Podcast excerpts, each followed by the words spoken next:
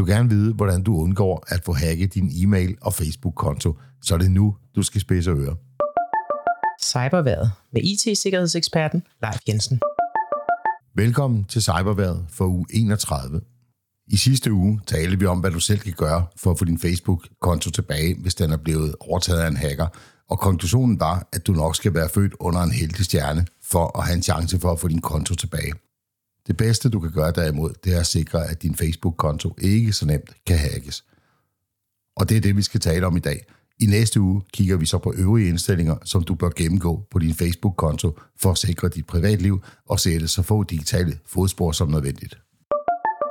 Den hyppigste årsag til, at en Facebook-konto den kan overtages af en hacker, det er, at man anvender det samme password til Facebook som til sine andre konti, samt at man ikke har såkaldt to-faktor-godkendelse på sin Facebook-konto. Fremgangsmåden, som hackeren bruger, den er som følger.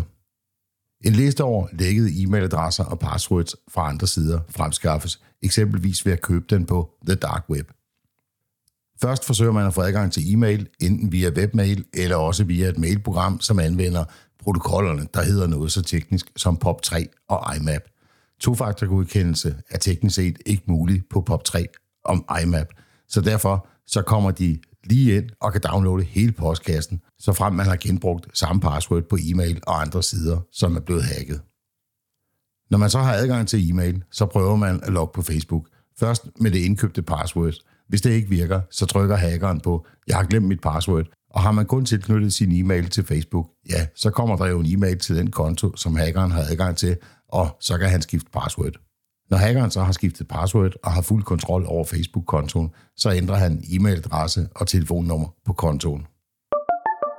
Hvis du selv vil tjekke, om din e-mailadresse og password på et tidspunkt er blevet lækket, så gå til siden www.haveibnpwned.com og der, der skriver du så din e-mailadresse, og så undersøger den, om din bruger har været en del af sådan en lækket liste med password på. Hvis den kommer og er grøn, jamen så er alt jo fint. Derfor vil jeg nu stadigvæk igen øh, opfordre dig til at ændre dit password på e-mail og Facebook. Og hvis den kommer og er rød, ja, så skal du nok skynde dig lidt. Nå, men nu er det så blevet tid til at gøre tre ting. Nummer et. Skift password på din e-mailkonto og genbrug aldrig nogensinde det password andre steder overhovedet. Nummer 2. Skift password på din Facebook-konto, og genbrug heller ikke det password nogen andre steder. Og ja, Facebook-passwordet, det må selvfølgelig aldrig være det samme, som det er på din e-mail.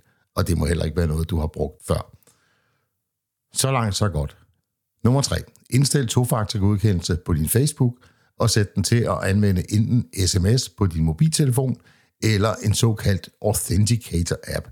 Jeg anvender selv den, der hedder Authy, A-U-T-H-Y, men man kan også anvende andre, eksempelvis Google Authenticator.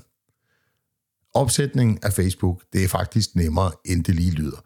Du gør det ved at gå ind på din Facebook-side, og så klikke på det lille billede øverst i højre hjørne. Så klikker du på indstillinger og privatindstillinger. Derefter klikker du på indstillinger, og ude til venstre, der klikker du så på kontrolcenter, og endeligt på adgangskode og sikkerhed.